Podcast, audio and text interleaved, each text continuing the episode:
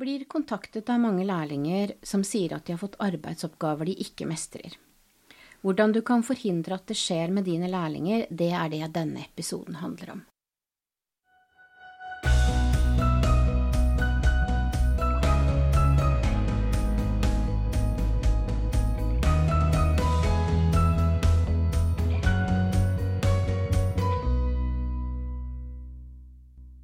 Velkommen til denne episoden av Veilederbua. Vi som sitter i studio i dag, er Heidi Bakken Rygnestad og undertegnede Tove Hansen. Vi jobber begge ved Opplæringskontoret for helse- og oppvekstfag, og lager denne podkasten for deg som er veileder for en BUA-lærling i Oslo kommune.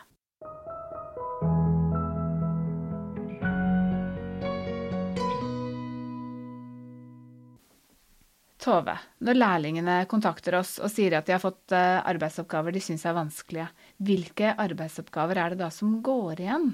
Jo, et av de som eh, vi ofte hører, er at, barn, at de får ansvar for å følge opp barn som krever mye tilrettelegging, og kanskje til og med også spesialkompetanse. Og i mange tilfeller så er jo det, og det vet jo vi som også har jobbet med dette, at det er barn som eh, eh enten har fått fått eh, innvilget at de skal ha en assistent, at de skal ha en én-til-én-oppfølging. Eh, noen har ikke fått det ennå, men har absolutt behov for det. Eh, og andre har såpass mye mm, utfordringer med å tilpasse seg det som skjer i barnegruppa ellers, at de trenger en ekstra oppfølging. Mm. Men hva sier lærlingene da, som opplever at det er en vanskelig arbeidsoppgave? Nei, De, de syns det er vanskelig fordi de opplever at de ikke helt vet hvordan de skal håndtere situasjonen.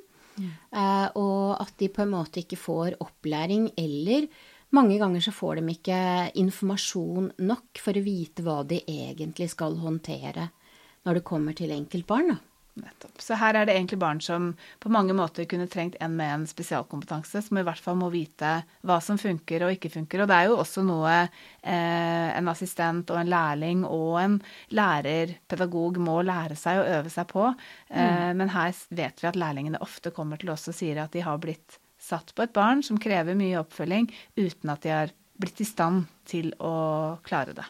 Og det kan jo f.eks. være barn som løper ut av klasserommet som av en eller annen grunn, hvis, man, hvis vi snakker om skolebarn, da, mm. ikke eh, håndterer så godt å være i klasserommet. Og det er klart at da er det vanskelig å være lærling og ikke kjenne barnet så godt. Kanskje ikke helt vite eh, hva må til for å trykke på de rette motivasjonsknappene hos det barnet som ikke vil være i klasserommet. Hva må til for å, for å, hjelpe det barnet inn igjen, eller inn i eventuelt andre alternative aktiviteter?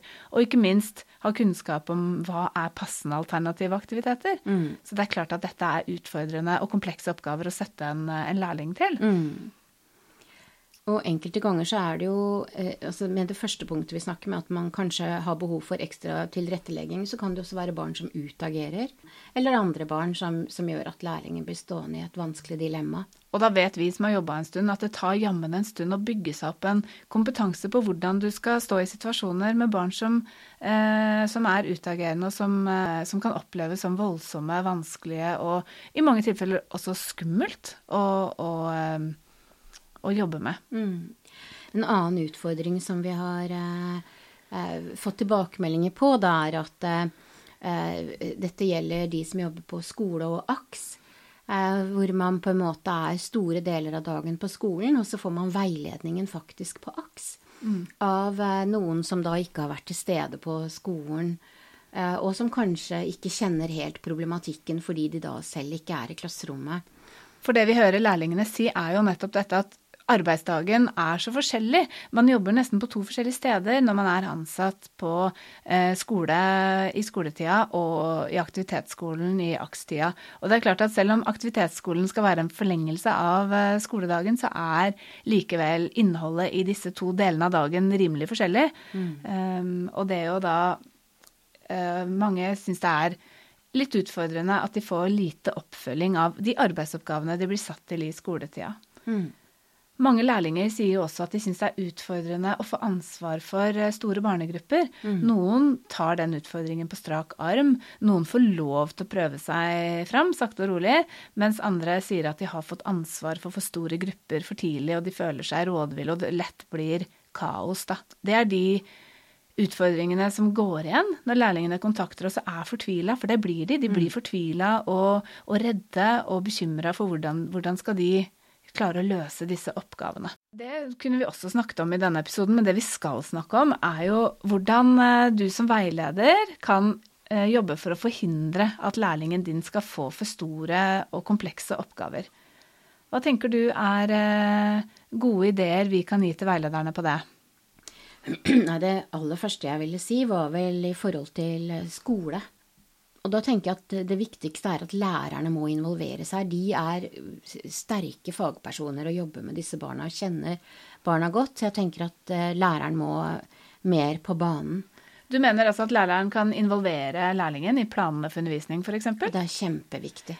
Jeg tenker jo Som et resultat av det, hvis eh, læreren har, eh, har, lærlingen sin med på laget om hva som skal skje fra ni og ti den, den formiddagen på skolen, og det er et barn som ja, enten utagerer eller løper ut av klasserommet eller av ulike årsaker trenger eh, ekstra oppfølging, så har jo ofte læreren en bedre forutsetning for å gå ut og, og, hjelpe den eleven med det som er vanskelig for den eleven, mm. enn det lærlingen har. Så da kan, hvis man vet at det er bokstaven A eller de og de oppgavene i den og den boka som står på planen, så kan lærlingen bli igjen og hjelpe resten av klassen gjennom mm. den oppgaven. Eller så må man eh, i hvert fall uh, gi lærlingen nok uh, opplæring i hvordan man skal håndtere Mm. enkeltbarn eller situasjoner de kommer opp i. Og det er klart at Vi sier jo også til våre lærlinger at uh, bruk litt tid, bli kjent med dette barnet, bygg en relasjon. Hvis du skal følge opp det barnet, så vil det alltid være vanskelig i starten. Mm. Uh, og som regel finner man ut av det. Og så er det frustrerende å stå i det. Uh, men vite at mange lærlinger opplever det som veldig mm. utfordrende når de blir satt til sånne oppgaver. Mm.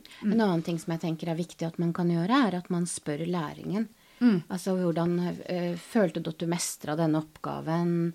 Å ha en form for metasamtale, på en måte, da. Mm. Uh, hvor man snakker i etterkant om en situasjon.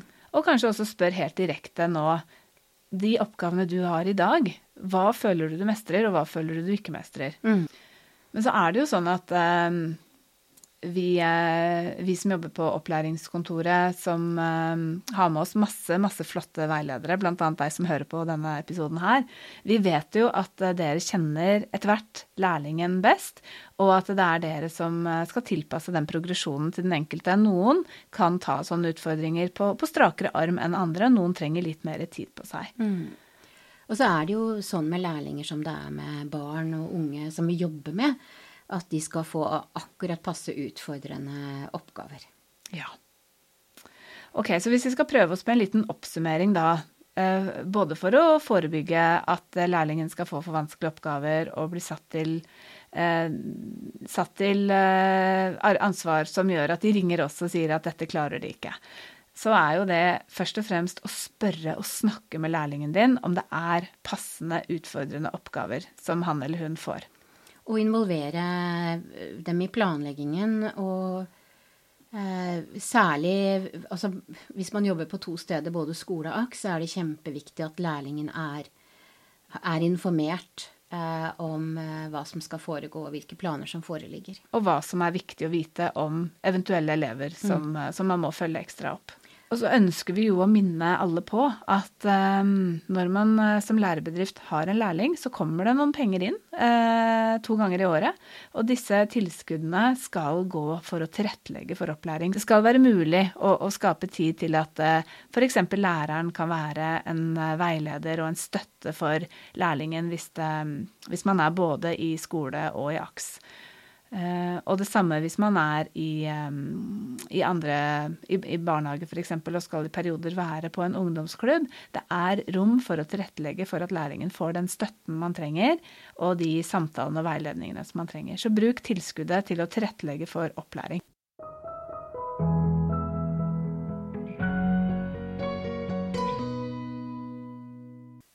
Du har nå lytta til Veilederbua og i studio i dag så har du hørt eh, Tove Hansen og meg, Heidi Bakken Rygnestad. Støttemateriell til denne episoden finner du i OLK, og dersom du har spørsmål eller ideer til nye episoder, ta kontakt. For husk at vi lager denne podkasten for deg som er veileder for lærling i Oslo.